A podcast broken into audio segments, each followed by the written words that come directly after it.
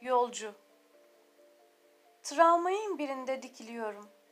Bu dünyada, bu kentte ve ailem içindeki yerim konusunda düpedüz bir kararsızlık içindeyim. Herhangi bir konuda haklı olarak ne gibi istekler öne sürebileceğimi bile söyleyecek durumda değilim. Bu tramvayda böylece dikilip kayışlardan birine tutunmamı, kendimi bu tramvaya taşıtmamı, insanların tramvaylar önünde kenara çekilmelerini ya da yolda sessiz yürümelerini ya da vitrinler önünde kımıldamadan durmalarını asla savunamam. Zaten kimsenin böyle bir şey istediği yok benden. Hem isterse ne değişir. Tramvay bir durağa yaklaşıyor.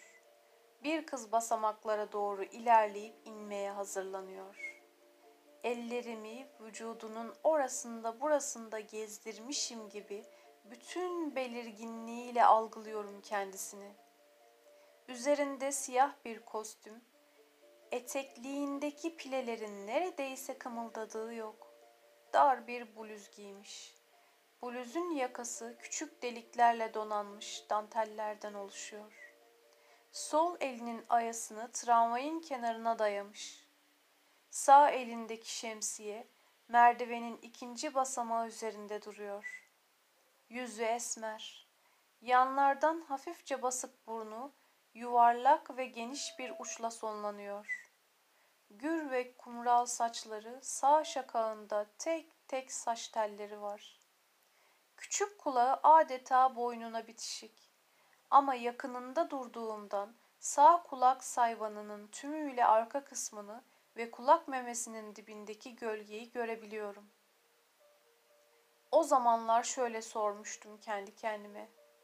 Nasıl oluyor da kendisiyle ilgili bir şaşkınlığa kapılmıyor kız?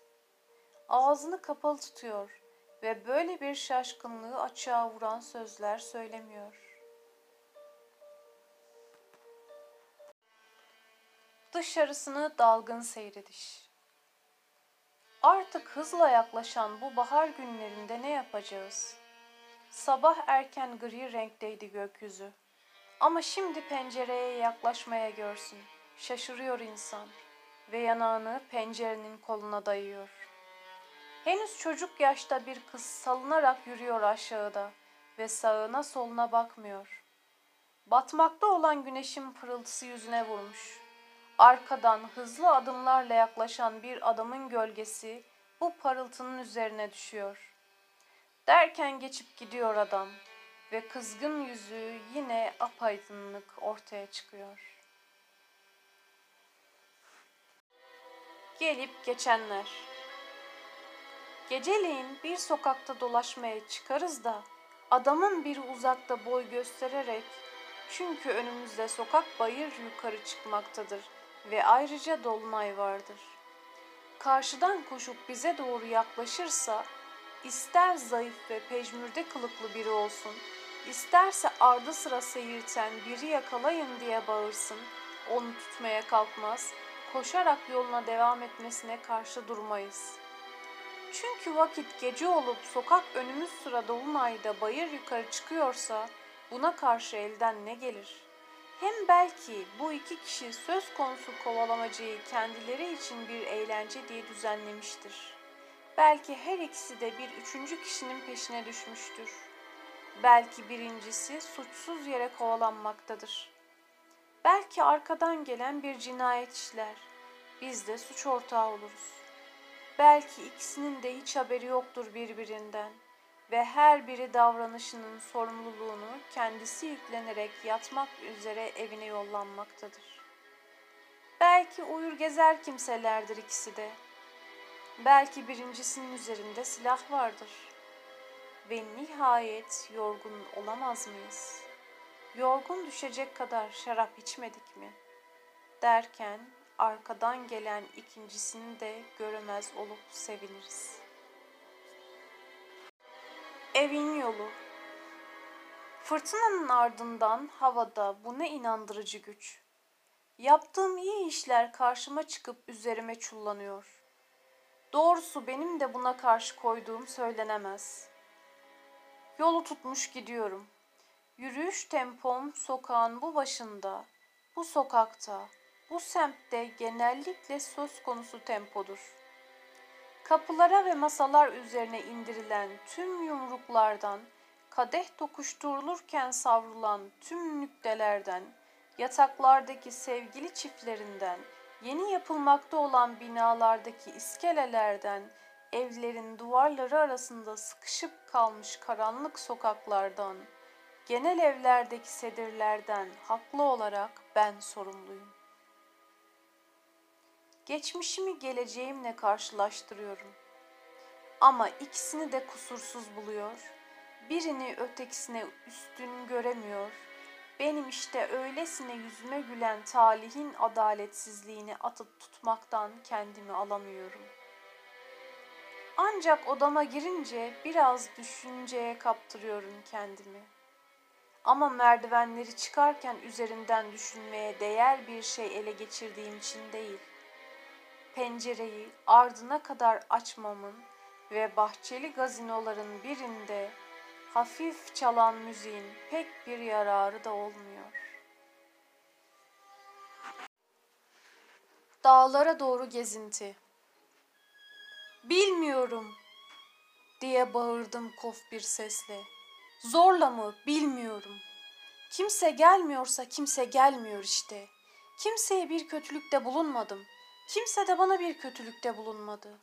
Ama kimse bana yardım etmek istemiyor. Bitip tükenmeyen kimseler. Ama öyle de değil pek. Bana kimsenin yardım elini uzatmayışı fena. Ancak yoksa bu hiç kimseler güzel. Böyle bir hiç kimseler topluluğuyla bir gezinti yapmayı niçin olmasındı hani? Ne çok isterdim. Elbet dağlara doğru. Başka nereye?'' Bu hiç kimseler nasıl da birbirine sokulurdu. Bir sürü çapraz uzanmış ya da iç içe geçmiş kollar, birbirinden minicik adımlarla ayrılan bir sürü ayak. Kuşkusuz hepsi de farklı. Şöyle böyle yürüyüp gidiyoruz. Vücutlarımızın ve kollarımızla bacaklarımızın arasındaki boşluklardan bir rüzgar esiyor. Dağda boyunlarımız özgürlüğe kavuşur bir ezgi mırıldanışımız. Şaşılacak şey. Ansızın gezinti. Akşam evde kalmaya kesinlikle karar verilerek sırta röpteşambır geçirilir. Yemeğin ardından aydınlık masada oturularak bitiminde adet olduğu üzere kalkıp yatmaya gidilen bir iş ya da bir oyunla vakit geçirilir. Dışarıda ise evde kalmayı pek doğal gösteren sevimsiz bir hava egemenliğini sürdürür.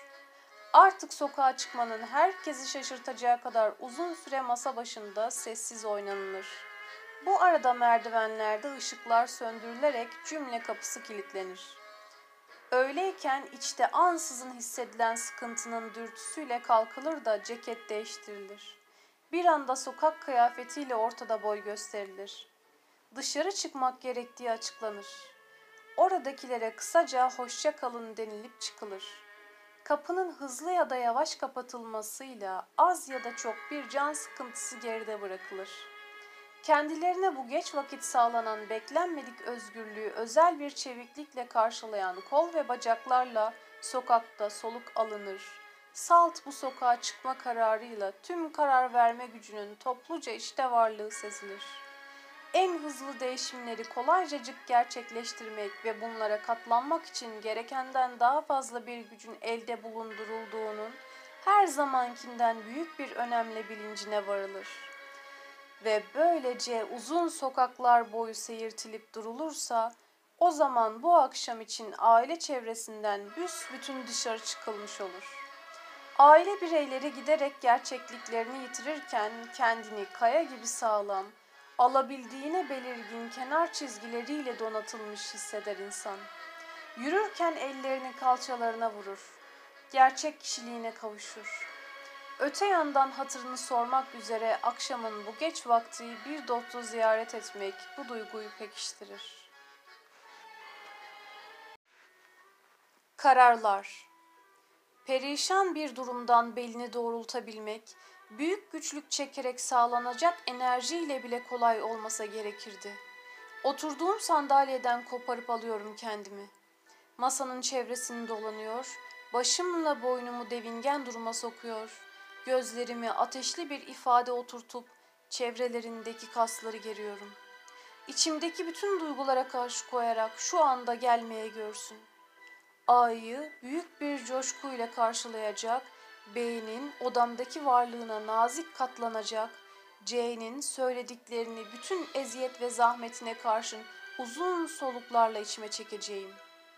Ama böyle olabilse de baş göstermekte gecikmeyecek her yanılgıyla her şey. Kolay ve zor. Bir an gelip durak kalacak, ben de çember içinde gerisin geri çark edeceğim.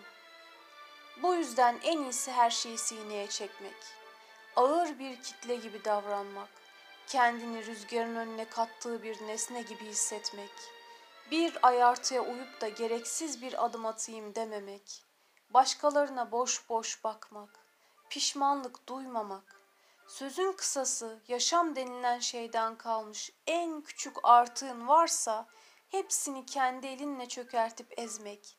Yani o en son gömüt sessizliğini daha da büyütmek ve ortada bir başka şeyin varlığına izin vermemek. Böyle bir durum için karakteristik bir devinim serçe parmağın kaşlar üzerinde gezinmesidir. Bekarın mutsuzluğu Öyle görülüyor ki pek kötü şey bekar kalmak.